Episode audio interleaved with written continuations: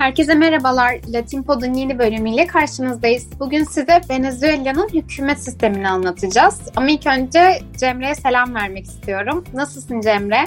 Teşekkür ederim Melisa. İyiyim sen nasılsın? Ben de iyiyim. Teşekkür ederim. O zaman sen de hazırsan başlayalım. Venezuela 1830 yılında İspanya'nın sömürüsünden kurtulup bağımsızlığını kazanmış bir Latin Amerika ülkesi. 1945 ve 1958 yılları arasında da diktatörlükle yönetilmiştir. Buraya kadar her şey normal. Yani bu serinin daha önceki bölümlerinde aktardığımız Latin Amerika ülkelerinden bir farkı yok Venezuela'da. Zaten İspanya ve Portekiz Latin Amerika üzerinde zamanında gerçekten çok büyük bir hegemonya kurmuştur.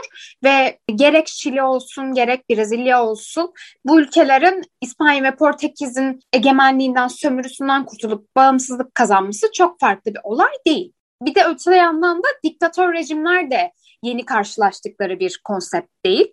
Yani çünkü zaten gerek askeri yönetimler gerekse diktatör rejimler Güney Amerika kıtasının bir gerçeği. Ama Venezuela'yı Meksika, Şili ve Brezilya'dan ayıran önemli bir özellik var. O da parlamentonun tek kanatlı oluşmasıdır. Yani meclisin senato gibi bir üst kanadı yok ya da temsilciler meclisi gibi bir alt kanadı yoktur.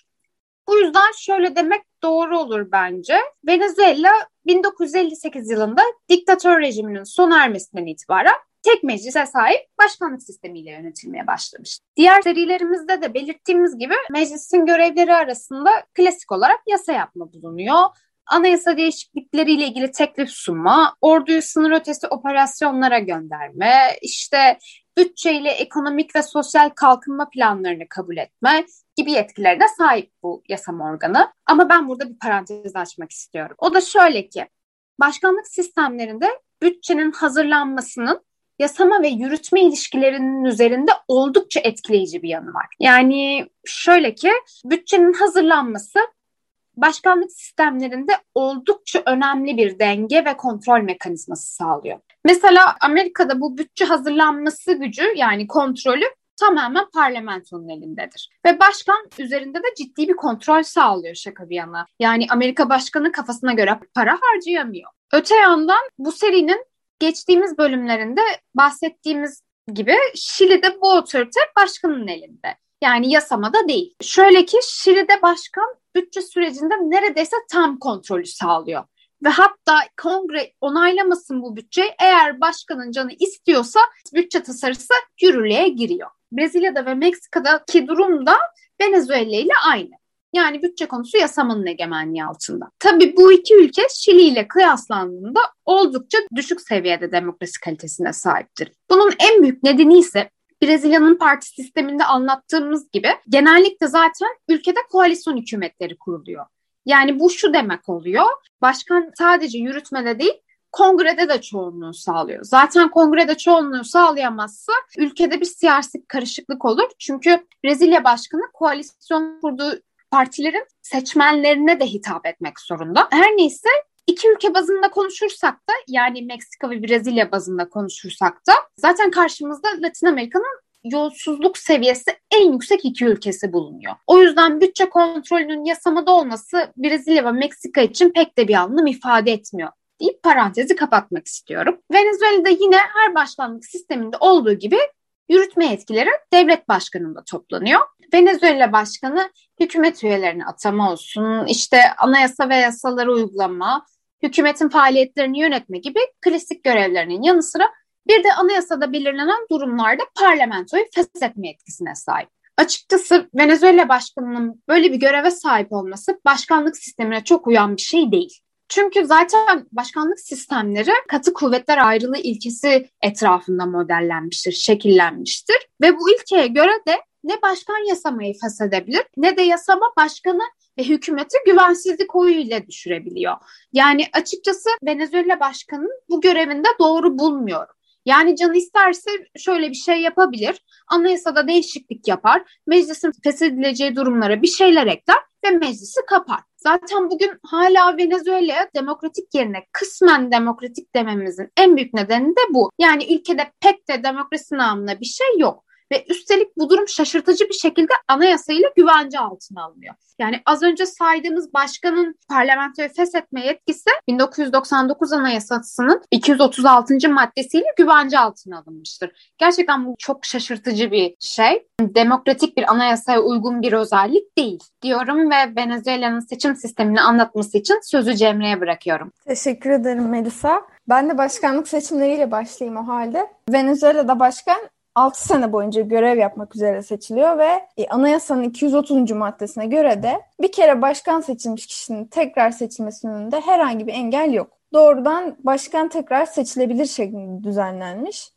E, daha önce bunun engellendiği sistemlerden bahsetmiştik serinin önceki bölümlerinde. İşte bazen tekrar seçilmek tamamen yasak olabilir. Bazen üst üste iki dönem seçilmek yasak olabilir. Şili örneğinde olduğu gibi. Ve bunun başkanlık sistemi gibi riskli sistemlerde aslında kurumları korumak için önemli olduğundan bahsetmiştik. Zira belirli bir hükümetin kökleşmesini engellemek için önemli aslında bu tekrar seçim engeli. İşte Venezuela'da da böyle bir engel yok şu an başkanların önünde. İstedikleri gibi tekrar tekrar aday olup seçilmeleri de mümkün. Ki 6 sene görev süresi de kendi başına uzun. Yani mesela yine Şili örneğinde bunun 4 sene olduğundan bahsetmiştik. Bu anlamda biraz sorunlu bir düzenleme olduğunu da söyleyebiliriz. Ben de burada şöyle bir örnek vermek istiyorum. Mesela şimdi gelin Brezilya'ya bakalım. Bolsonaro 2019 yılında seçildiğinde işte ben Brezilya'yı yolsuzluktan arındıracağım, yok ekonomiyi düzelteceğim falan diyerek geldi ülkenin başına. Yani resmen I am the hero of Brazil modundaydı. Ama sonuç olarak ne oldu?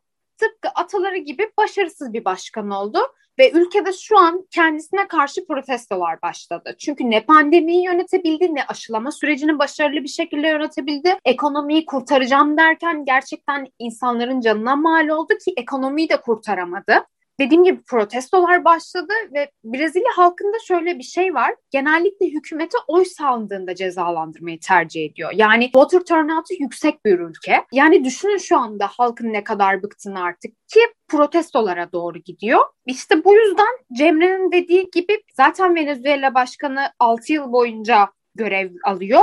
Bir de üstüne bunun halk seçtiği sürece başkan olur kararı geliyor. Böylece kolayca kendi gücünü konsolide edebilir ve ettikten sonra da yerini korumak için seçim kanunlarında tekrar değişiklik yapar ve ömür boyu ölene kadar ben hükümetin başında kalıyorum da diyebilir. Ve bu da demokrasiye uygun bir şey değil diye düşünüyoruz açıkçası.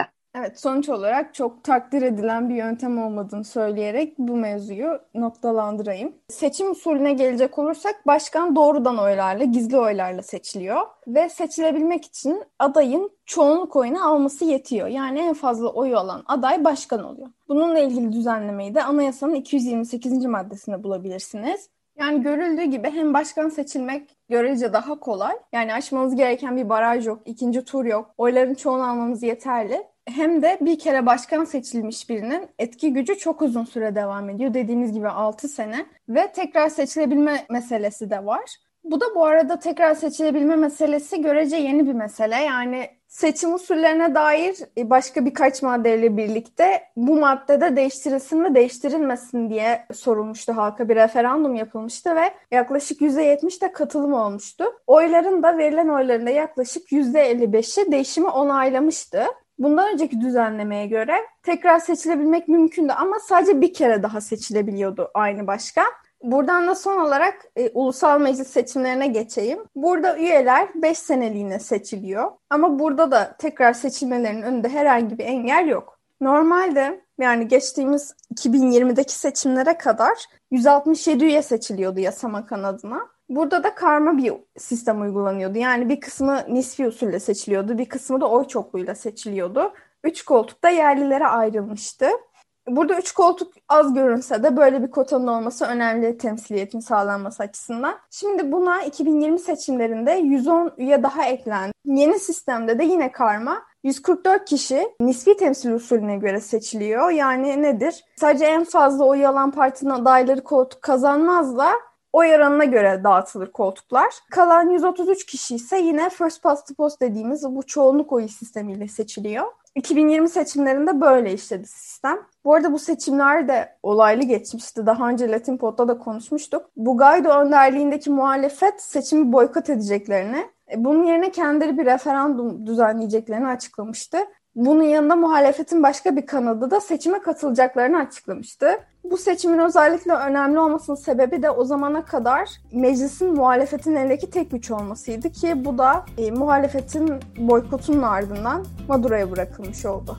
Diyerek Latin Pod'un bu bölümünde noktalandırmış olalım. Haftaya yeni bölümde görüşmek üzere, hoşçakalın. Hoşçakalın, görüşmek üzere.